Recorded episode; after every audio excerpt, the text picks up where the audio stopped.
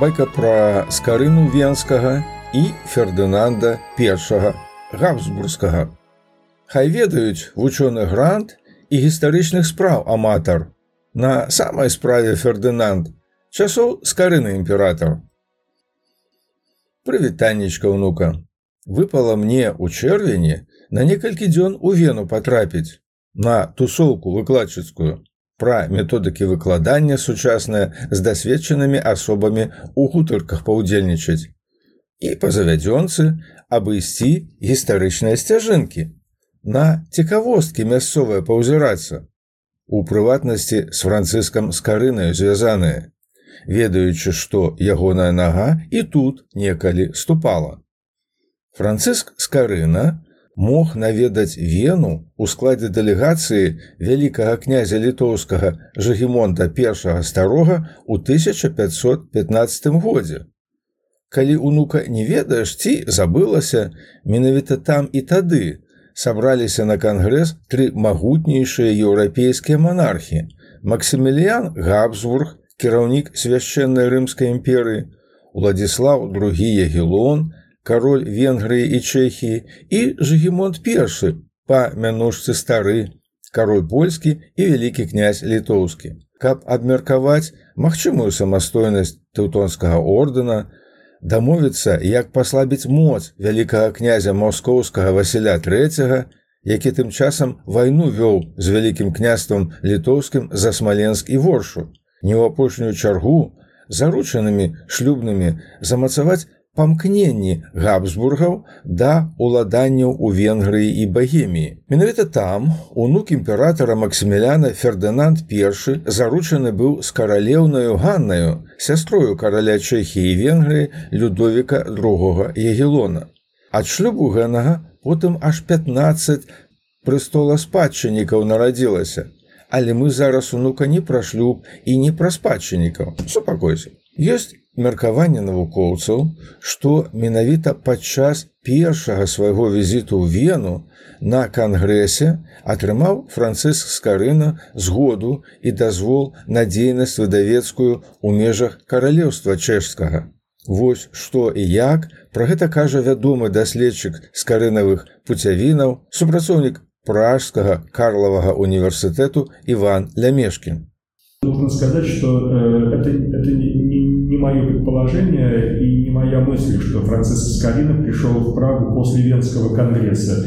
Э, это предположение э, весьма правдоподобное и логичное высказал уже на рубеже 18-19 веков известный э, чешский славист Добровский. Вероятно, на Венском конгрессе были достигнуты некоторые договоренности и Скалина получил согласие, что э, или разрешение, что он может заниматься книгоиздательской деятельностью в Егелонской Праге и пришел в Прагу вот сразу же или незадолго после Венского конгресса и начал в Праге осматриваться, адаптироваться, потому что Э, начав свою издательскую деятельность в 2017 году, вот, вот само начало, оно предполагает, что какое-то время он уже должен был находиться в Праге и э, каким-то образом разбираться во всех обстоятельствах э, книгоиздательской деятельности. Давялося мне, унука, да архіўных дакументаў звярнуцца, каб магчымыя дачыненні францыска скарыны з венаю і імператарскім дваром габсбургаў спраўдзіць. Вось што з гэтага выцякла.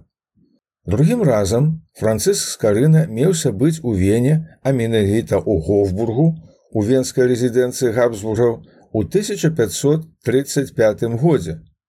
Каб уласнаручна атрымаць накіраванне ад фердананда першага на разбіўку батанічнага сада ў празе. Вось што пра гэта даводзіць дакумент архіўны. 22 траўня 1535 года. Фердынанд першы габсбургскі шле ліст з вены ў прагу сакратару багемскай палаты і ўласнаму сакратару грыспеку флорыяну. Дарагі верны сябар. Так як ты не раз пісаў нам, што мы павінны накіраваць табе садоўніка для працы ў празе. дык мы пасылаем табе з прадзіўніком ліста. Ты можаш выкарыстоўваць яго пры неабходнасці для арганізацыі новага сада. Мы далі яму харчаванне і ўтрыманне 20 флорынаў. Цябе просім паклапаціцца пра астатняе ўтрыманне на час яго знаходжання. Трэці кантакт з манаршаю асобаю мог у скарыны на тэрыторыі Чэхіі адбыцца. Завяршыўшы працу па арганізацыі закладкі парку ў грачанах, Францыск Скарына па разлікі да караля імператара прыехаў. За сумленна заробленым, так бы мовіць, звярнуўся. 21 ліпеня 1539 года кароль Фердынанд першы накіроўвае сакратару грыспеку чарговы ліст, у якім літаральна вось што гаворыцца. Па-першае, адносна майстра францыска італьянскага садоўніка. Багемскай палаце быў аддадзены наш загад аплаціць яго працу па часе і разлічыцца з ім, каб вы яго больш не затрымлівалі. Аб усім гэтым мы апавешчаныя дастаткова, таму што ён пасля гэтага прыбыў да нашага двара і затрымаўся некаторы час тут і ў нойштадце. Нам паведамілі таксама, што згаданы францыск перад сваім ад'ездам не прычыніў дрэвам ніякай шкоды, было паведамлена таксама, што памаранцы, смакоўніцы, фігавыя і іншыя дрэвы стаяць у такім жа добрым стане, як мы іх пакінулі чым мы задаволены. Наступны ж дакумент не толькі дзвюх знатных асобаў паміж сабою звязвае, але і ўсе кропкі над і кароткім расстаўляе у розных сэнсах пераносным і наўпроставым. Жыццёвы свой шлях францыск карына верагодней за ўсё у Чэхіі скончыў. Семён Рус, старэйшы сын з карынавы, звярнуўся да фердынанда першага, каб зацвердзіць права сына на бацькаву спадчыну. Вось як гучыць рашэнне высокае. 29 студзеня 1552 года Прага. Мы, Фердынанд першы і гэтак далей аб'яўляем гэтай граматай усім, што доктар Францішак рускарына з полацку, які некалі жыў, наш садоўнік у гэтым каралеўстве чэшскім быў чужаземцам. Пайшоў на вечны спакой і пакінуў пасля сябе сына семяона руса і пэўную маёмасць паперы даўгі і іншае яму прыналежнае.